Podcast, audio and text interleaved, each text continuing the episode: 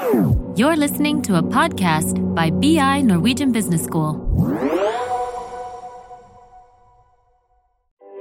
Jeg tror eh, det finnes veldig mye muligheter som folk kanskje ikke er obs på. De vet ikke at det her er en ting man kan gjøre. da. Velkommen til Karrierepraten, en podkast for karriereinspirasjon og innsikt i arbeidslivet fra Handelshøyskolen BI. Mitt navn er Gunhild, og i dag har jeg fått med meg BI-alumni Silje Brattgjær i studio. Silje gikk ut fra BI i 2013 med en bachelor i markedsføringsledelse. Siden har veien gått via store selskaper som HP, LinkedIn og HubSpot, og byer som Barcelona, Dublin og Berlin.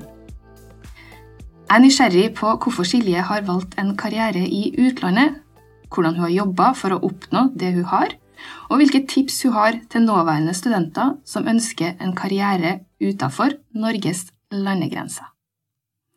Velkommen, Silje. Tusen takk. Veldig hyggelig at du tok turen hit. Jo, men det var artig å være tilbake på BI. Ja, Og helt fra Berlin. Helt fra Berlin. Ja. Dette var jo en kjapp intro av deg, Silje.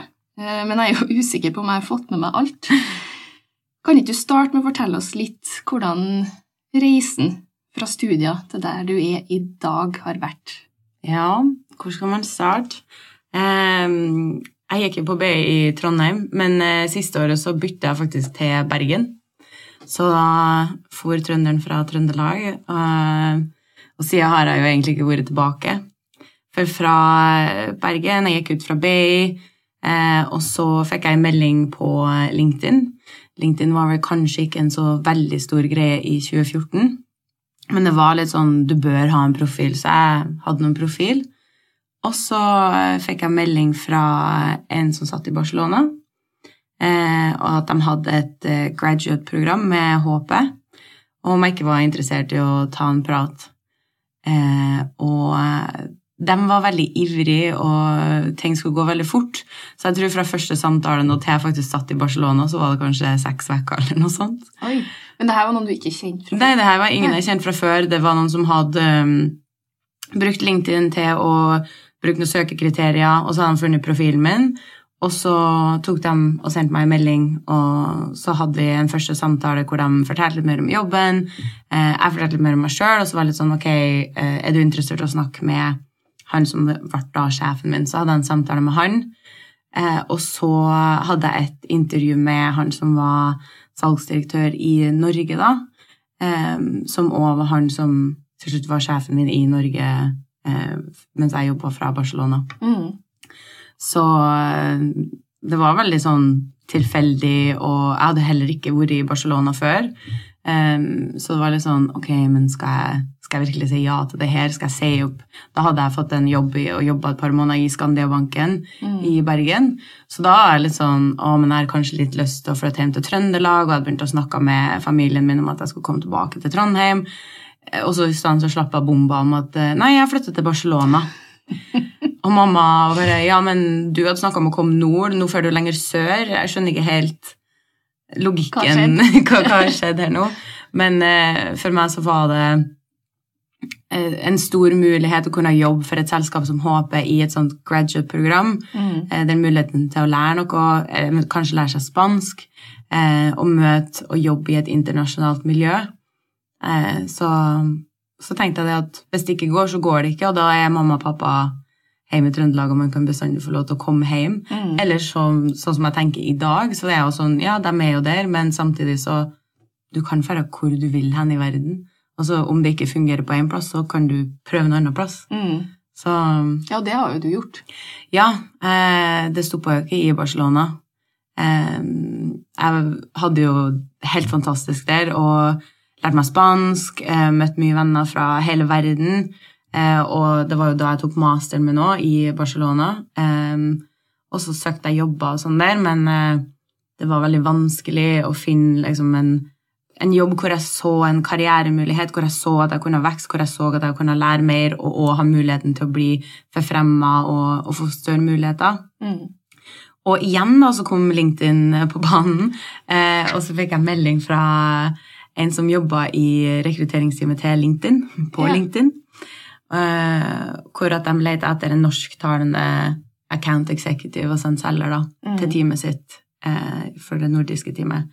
Og da så begynte jeg samtaler med dem òg.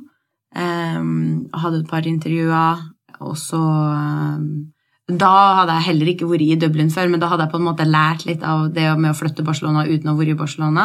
Så da ba jeg om å få en tur. Jeg sa hei, ja, men jeg, jeg vil ha en følelse av hvordan føles Dublin, for du skal jo faktisk bo der. Det er ikke sånn at du bor på jobb, du skal jo bygge deg et liv, du skal ha venner, og du skal føle at du faktisk har en hverdag òg. Mm. Så da for jeg til Dublin eh, i desember i 20, 2016, eh, tror jeg det var. 2016, ja. Mm. Eller 2017. Og så um, hadde jeg jo litt intervjuer og møtt det teamet som jobba der, og kom inn på LinkedIn, og det var en helt annen verden igjen enn det vi hadde i Barcelona. Altså, Dublin er jo tech-plassen, det er der Facebook, Google, LinkedIn, eh, HubSpot Alle store selskapene er og har en hub. Mm. Eh, og den LinkedIn-operasjonen var gigantisk, og de holdt jo på å bygge et helt nytt kontor, så det var store investeringer.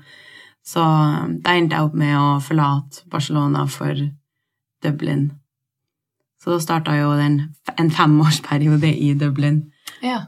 Eh, jeg hadde jo egentlig lyst til å prøve en annen plass, en ny plass, eh, før det hadde gått fem år. Mm. Men så skjedde jo noen ting som uh, het en pandemi. Så En liten en liten greie inni der. Så da ble eh, Dublin eh, litt forlenga. Mm. Uh, og jeg følte jo òg at på det tidspunktet så hadde jeg jo starta med HubSpot. Ja, for du Eh. gikk fra LinkedIn til HubSpot. Jepp. Yeah. Gikk fra LinkedIn til HubSpot. Og det var en litt sånn uh, Jeg har jo egentlig ikke aktivt gått ut og søkt en jobb siden jeg søkte på Skandiabanken Mm. eh, når jeg jobba i Norge. Eh, fordi at eh, jeg hadde ei venninne som eh, visste om HubSpot. Jeg visste egentlig ikke hva HubSpot var. Jeg visste at det var et selskap, og mange snakka veldig bra om det. At det var et veldig bra selskap å jobbe for. De tok godt vare på sine ansatte. Jeg bare ok. Men hun hadde lyst til å gå på en sånn nettverksevent. Det var en fyr som hadde rodd over Atlanteren eller noe sånt. Um, som skulle snakke, men det er jo selvfølgelig et rekrutteringsevent, for du må jo registrere deg. Da har de jo Mm. kontaktinformasjonen din. Så etter det eventet så var det Kieran O'Flynn som eh, da har vært min sjef, men han bare 'Hei, hva syns du om det her eventet?' Og jeg umiddelbart så skjønner jeg jo at ok, mhm, nå har du sett navnet mitt, og du skjønner at jeg er nordisktalende. For det er jo en greie at det er ikke noe mye nordisktalende utafor Norden. Mm. Eller du møter bestandig på svensker og eh, mye finske og har jeg sett de siste årene, men nord nordmenn er det ikke noe mangt, og heller ikke dansker. Så med en gang de forstår at ok, den personen her har et nordisk språk, og spesielt norsk eller dansk, så er de på. Ja, Så det vil egentlig si at det er store muligheter for veldig, for norske studenter, eller graduates. Det er veldig store muligheter, og det er jo litt derfor jeg syns det er artig å kunne komme og snakke med deg om det her. fordi at jeg tror um, det finnes veldig mye muligheter som folk kanskje ikke eh, obs på. De vet ikke at det her er en ting man kan gjøre. da. Mm. Eh, vi var to norske som jobba i lag i HubSpot til slutt, men det var veldig sjeldent egentlig å ha en norsk kollega. Ja. Så, og jeg ser jo at da når at han, Kieran da tok kontakt med meg, vi begynte å snakke, og de har jo et team med veldig mange irske også som jobber, de irske gjør det kjempebra med det nordiske markedet. Eh, men altså, Norden er jo et veldig sterkt marked, men det er ikke noe mange nordiske i utlandet til å jobbe med det nordiske markedet, Nei, så da, da henter de inn eh, andre land. Så det er store muligheter, og det er jo veldig spennende å kunne komme inn i et sånt selskap. Jeg starta jo i Jeg hadde jo litt salg for det meste i HP, og så kom jeg inn i LinkedIn. Du lærer jo mer og mer, og du får jo mer og mer ansvar. Og jeg tror nok at du òg får mer ansvar fortere enn du kanskje ville ha gjort i en jobb her. Mm. Fordi at det her er jo selskaper som er i veldig stor vekst. Så hvis du gjør det bra, hvis du jobber for det, så er det jo store muligheter til å, hvis man vil, å bli eh, leder, sjef for et eget team. Mm. Eh, eller jobbe med større marked, altså du går fra å jobbe med small business til mid-market eller til corporate. Eh, eller hvis du vil jobbe innenfor andre områder i de her selskapene, kan du det. Eller er mange kollegaer også som gikk fra å jobbe i Dublin til flytta til Australia eller Singapore eller altså USA for den del. Vi hadde òg amerikanske kollegaer på kontoret i Dublin. Ja. Så man har så mye muligheter. Man kan jo selvfølgelig komme tilbake til Norge igjen, og det skjer jo kanskje for min del òg en dag, men det er jo muligheter til å liksom ferde litt Mm. til Europa eller andre plasser i verden hvis man ønsker det. Mm. Ja, for nå har da HubSpot tatt deg videre til Berlin. Berlin. Ja, Ja, så der er du i dag. der er jeg i dag. Men for dem som ikke kjenner til HubSpot, da Mm. um, For jeg vil jo tro, eh, det er bare en antakelse, men at både LinkedIn og HP er kanskje mer kjent enn HubSpot.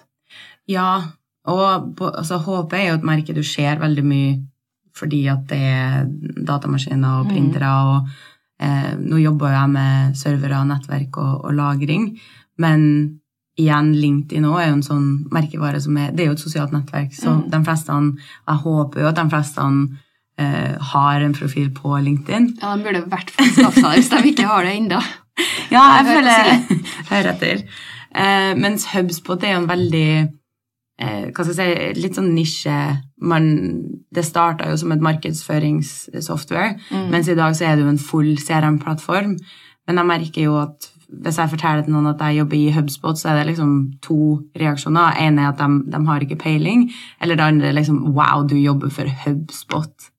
Eh, for det er, hvis du jobber innenfor markedsføring eller bruker CRM eh, eller support, og for den del i dag, så er det veldig mange som kjenner til HubSpot fordi at det er et så bra eh, software. Altså, når jeg starta i HubSpot for fire år siden, så eh, var det ofte at vi kanskje kom i konkurranse med et selskap som Salesforce, mens i dag så er det nesten Det skjer hele tida at vi konkurrerer med Salesforce. Mm. Så det sier noe om den utviklinga som HubSpot har hatt, den investeringa som er gjort i å utvikle softwaren for å gjøre det bedre for kundene våre. Mm. Eh, og med den veksten vi har hatt, så vi får jo flere og flere kunder, og kundene våre blir hos oss også, så Kult.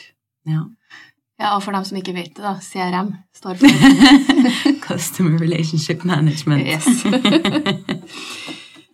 Men hva, hva går jobben din ut på da, hos HubSpot? Så i HubSpot så har jeg jeg det som vi kaller for en growth specialist. Mm. Eh, det er jo en fancy måte å si account executive, eller en fancy måte å si selger på.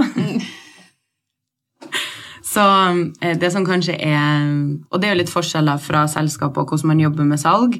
Eh, I LinkedIn for eksempel, så hadde jeg bare nykundesalg, mens i HubSpot så har jeg nykunde og eksisterende kundeforhold. Så de kundene jeg selger til, de er kundene mine. Eh, noen ganger sier jeg babyene mine, for at man, man får et veldig tett forhold. For at i den prosessen jeg har med dem, så har man jo først en samtale om ok, men hva gjør bedriften deres, hvor har dere vært hen, hvor skal dere hen, hva gjør dere, hva er utfordringene, hva er målene deres, og få et godt bilde av hva som faktisk foregår. Og spørsmålet også er jo kan vi faktisk hjelpe dem. For hvis vi ikke kan det, så da vil man jo være ærlig og si at ok, men det her er ikke den beste matchen, vi kan ikke gjøre det dere faktisk trenger. Mm. Eh, og så går man jo inn i de stadiene med å demonstrere verktøyet, så vi gjør tilpassa demonstrasjoner online over Zoom, basert på hva de har behov for. For i og med at vi har en så stor plattform, eh, jeg tror de har regna det ut Hvis du skal vise hele HubSpot, så må du sitte i sånn sju timer. Så det er veldig ofte hvis noen kommer og sier 'hei, jeg vil ha en demonstrasjon', så, så ja, men eh, Har du tida? har, har, du, har du er ikke sju timer for å bare sitte og vise fram det her, så la oss ta en prat først for å faktisk finne ut litt hvordan vi kan jobbe sammen. Mm.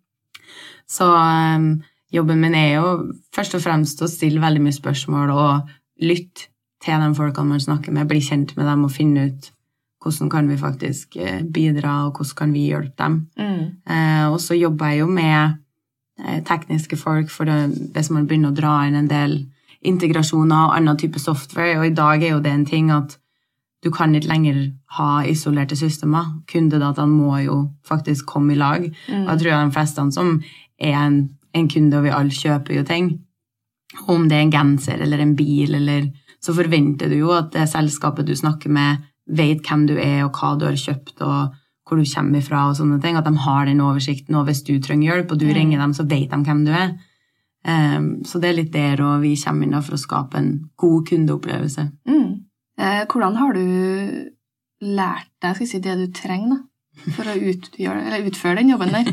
Det, Learning by doing.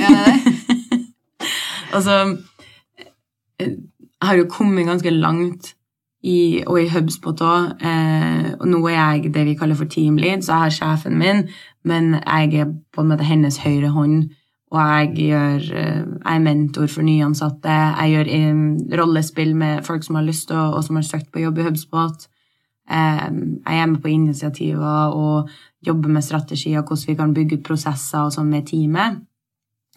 Um, men jeg starta jo en plass, og jeg har feila og stressa for at jeg skulle miste jobben min, eller for at det ikke har gått så bra. Um, men man må jo bare prøve. Og jeg tror nok at når jeg fikk jobben min i LinkedIn, så var jeg ikke klar for å ha en full salgsstilling. Eh, og jeg hadde sykt mye å lære, og det er nok det første steget, å si at ok, em, jeg kan ikke alt.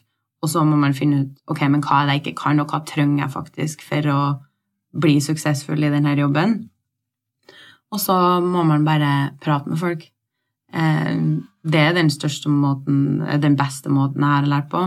Å ha så gode kollegaer som har vært Jeg har jobba med så sykt flinke folk Mm. som jeg har fått lært fra. Og jeg har merka at i det miljøet jeg har vært i, og som jeg har elska med alle jobbene mine og selskapene jeg har jobba i, at hvis du spør noen om hei, kan vi ta en kaffe, jeg har veldig lyst til å spørre deg om hvordan er det du jobber med sourcing eller prospektering, eller hvordan gjør du en, det vi kaller en discovery call når du stiller mye spørsmål, hvordan stiller du spørsmål, hva spør du om, eller hvordan gjør du en demo, hvordan forhandler du? Og det er ingen som sier nei.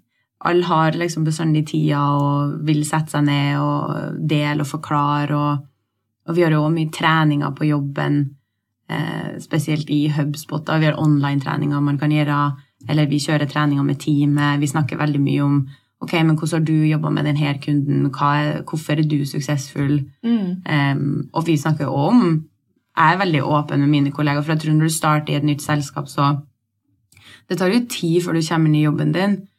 Altså Man skal lære seg å forstå hva HubSpot er, hva du faktisk selger, og hvordan du skal selge, og så hvordan du skal jobbe med kundene og alle interne folkene du kan jobbe med, for du har jo customer success, du har sjefen din, du har annet team, eh, du har operations-teamet. Altså det er så mye å lære seg. Mm. Og veldig mange får nok en sånn sjokkopplevelse. og Det har jeg jo hatt både når jeg starta i HP og LinkedIn og HubSpot. Og så blir man helt sånn der panikk, og, og herre klarer jeg ikke. Men så må man bare pushe gjennom og ja, Mm. finne ut liksom, ok, men hvordan kan jeg komme meg gjennom det, og hva må jeg lære meg? Så må man finne ut hvem, kan, hvem er det som kan lære meg det. Ja, sant. Men du tenker, for neste spørsmål mitt handler litt om kulturforskjeller, for du har jo eh, vært i veldig Det er ulik kultur i de ulike byene du har vært. Det er vel ikke noe tvil om.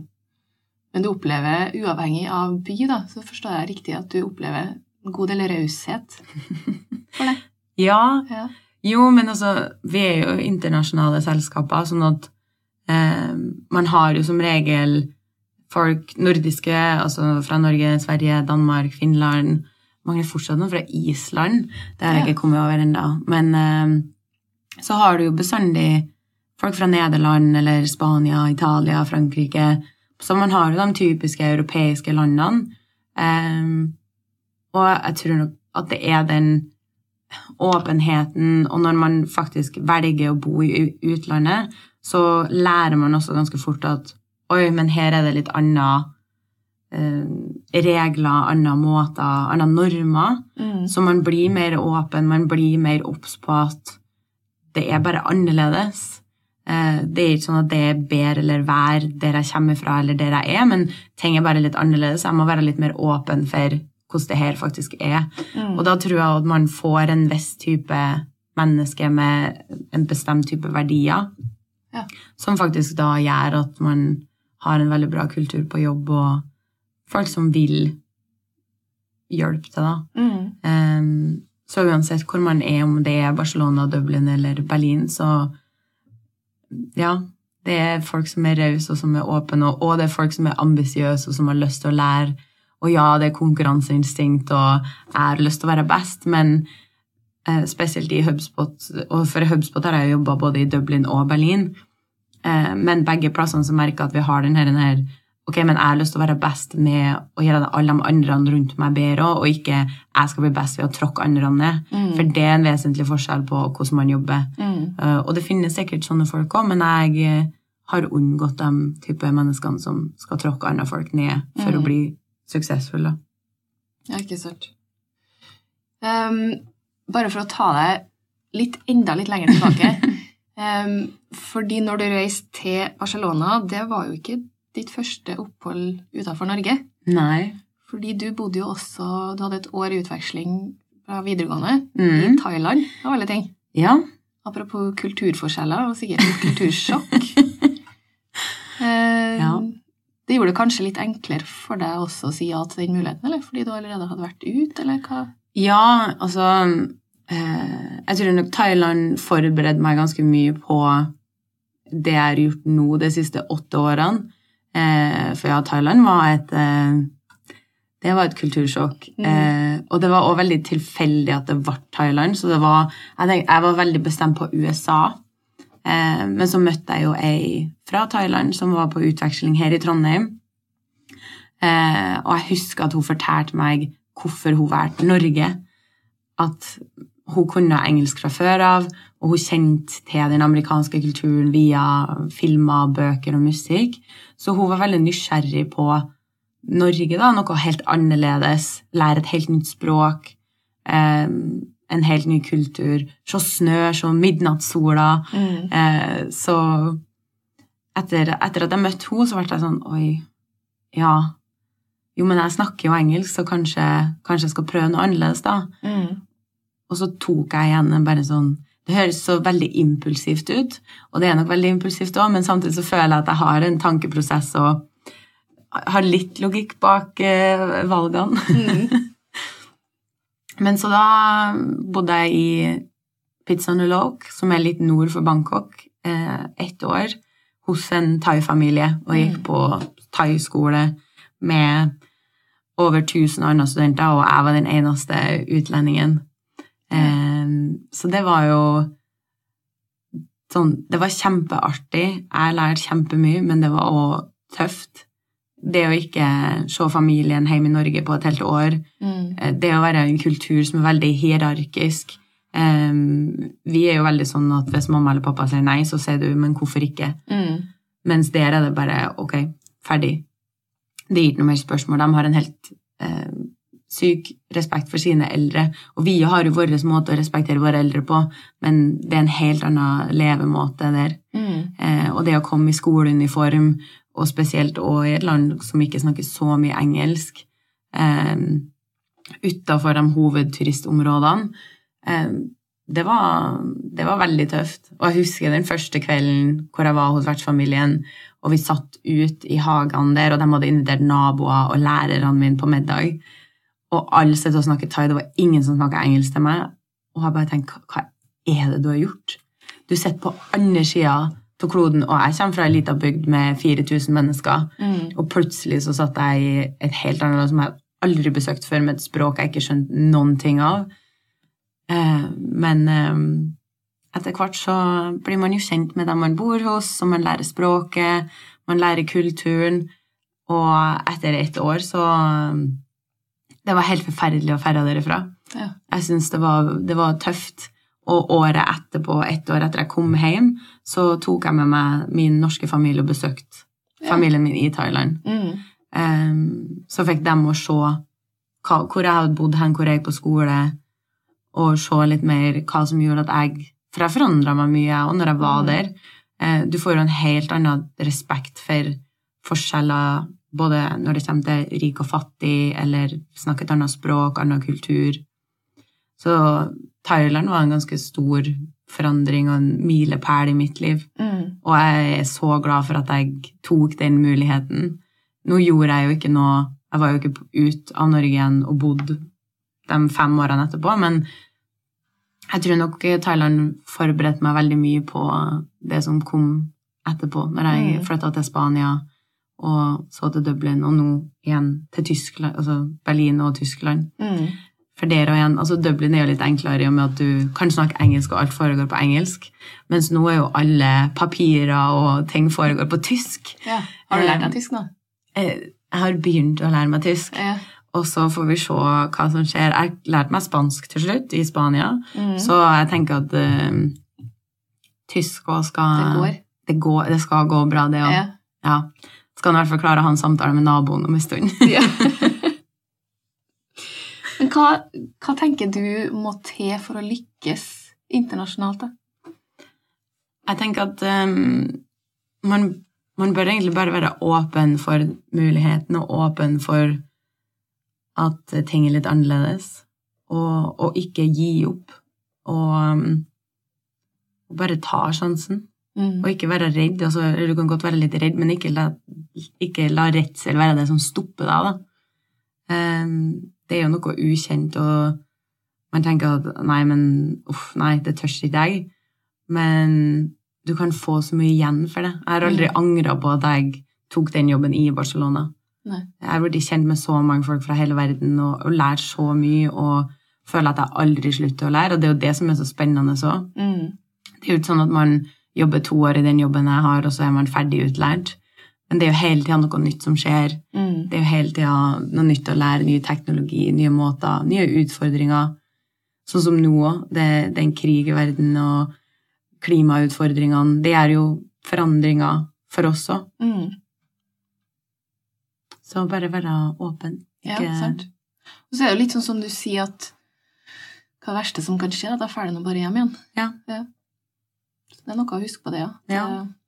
Jeg tenker også sånn her, eh, Ofte så tror jeg jeg glemmer det sjøl òg, men så møter jeg folk, eller jeg kommer med dem bare 'Du er så tøff, Silje.' Og så er jeg sånn 'Hæ?'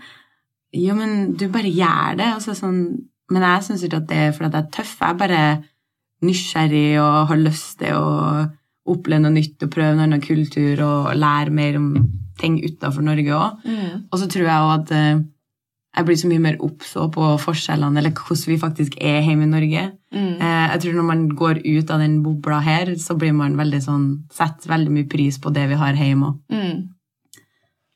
Så ja. Ja. For å ta deg litt tilbake igjen til studietida di, Ja. som var da delt opp mellom Trondheim i to år og så Bergen. ja. Hvilke valg tok du i studietida som har vært viktig for deg? Um, så um, Jeg tror nok min, min største ting på, på BI var BIS, eller BISO, som det heter i dag. Ehm, jeg, jeg tror jeg var med i BIS fra første året mitt på BI. Eh, jeg hadde jo en jeg kjente hjemmefra som var med i BIS, og han ba du må bli med på det her. Og så ja, det høres jo artig ut, og du kan bli kjent med mye andre folk, og ok, ja. Eh, og så ble jeg jo med i BIS hele studietida mi derifra. Og det var en helt annen måte å bli Du ble kjent med så mye folk på annet studietrinn og annen linjer på BI, og så fikk man prøve seg på ting man ikke fikk som bare vanlig student hvis man ikke engasjerer seg nå. Og man trenger ikke å engasjere seg nødvendigvis i BIS, men bare det å engasjere seg og få litt mer ansvar. Eh, Vi hadde jo ansvaret for studentene sin velvære og representere studentene, representere skolen vår når det kom ut i studentmiljøet i Trondheim. Um, og vi gjorde sikkert noe feil valg, og vi var sikkert ikke superbra hele tida, men jeg følte liksom de diskusjonene vi hadde, og eh, utfordringene eller turene vi var på, eller det vi arrangerte for studentene, da, det er mye jeg ser tilbake på og tenker at ok, jeg har lært ganske mye i studietida mi, og som ikke nødvendigvis kom fra en til foreleserne mine, eller eh, Mm.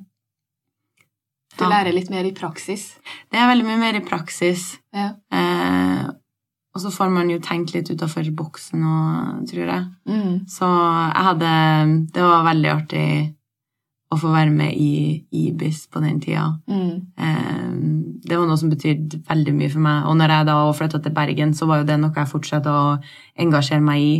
Og det gjorde jo at jeg kunne bli kjent med mye mer folk i Bergen. Jeg hadde jo et par venner, jeg kjente jo et par fra B i Bergen. Mm. Men eh, i og med at man da blir med i et sånn type miljø, så var det en mye enklere måte å bli kjent med folk eh, på skolen der òg. Mm. Så um, det var definitivt en veldig sånn stor veldig tilfeldig valg jeg gjorde første året igjen, men noen, som, noen ting som ga meg veldig mye etter tre år på BI. Mm. Så, så er det jo det med at jeg flytta til Bergen. Jeg hadde lyst til å ta den eh, HR-fordypninga, men den hadde vi jo ikke i Trondheim.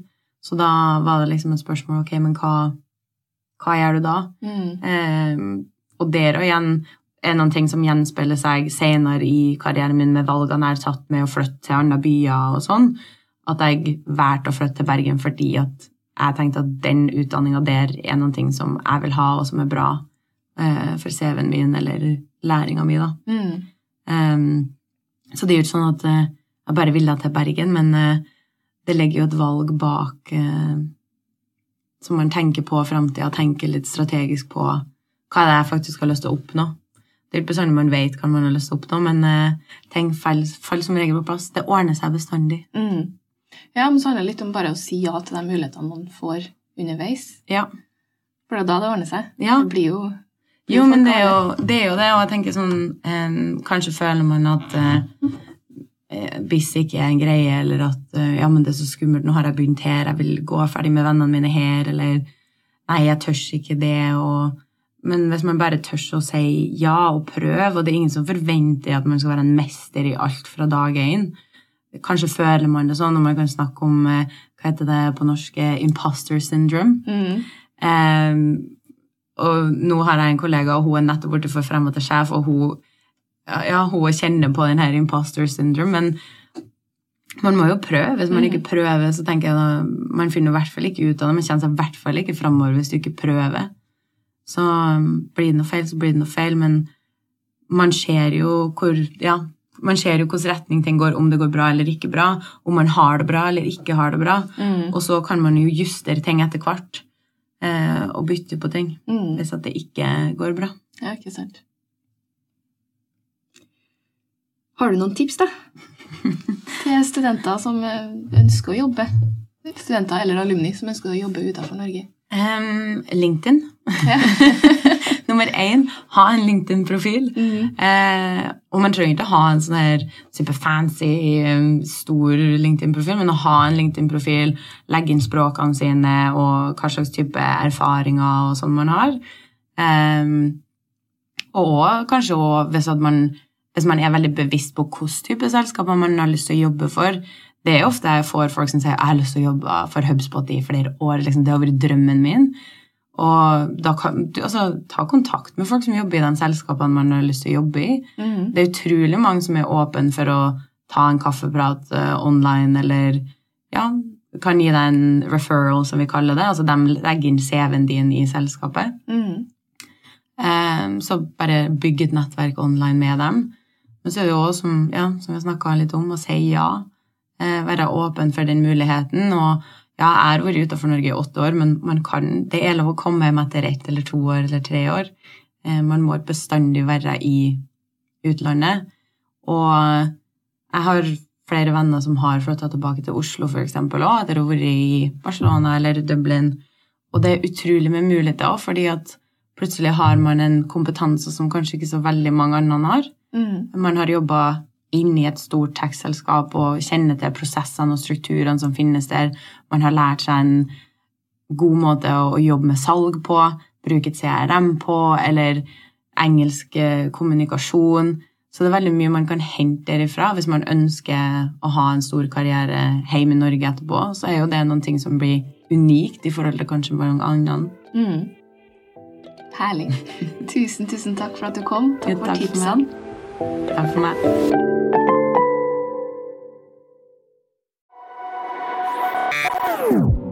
This is a BI production. Listen to more podcasts. Go to bi.no slash podcasts.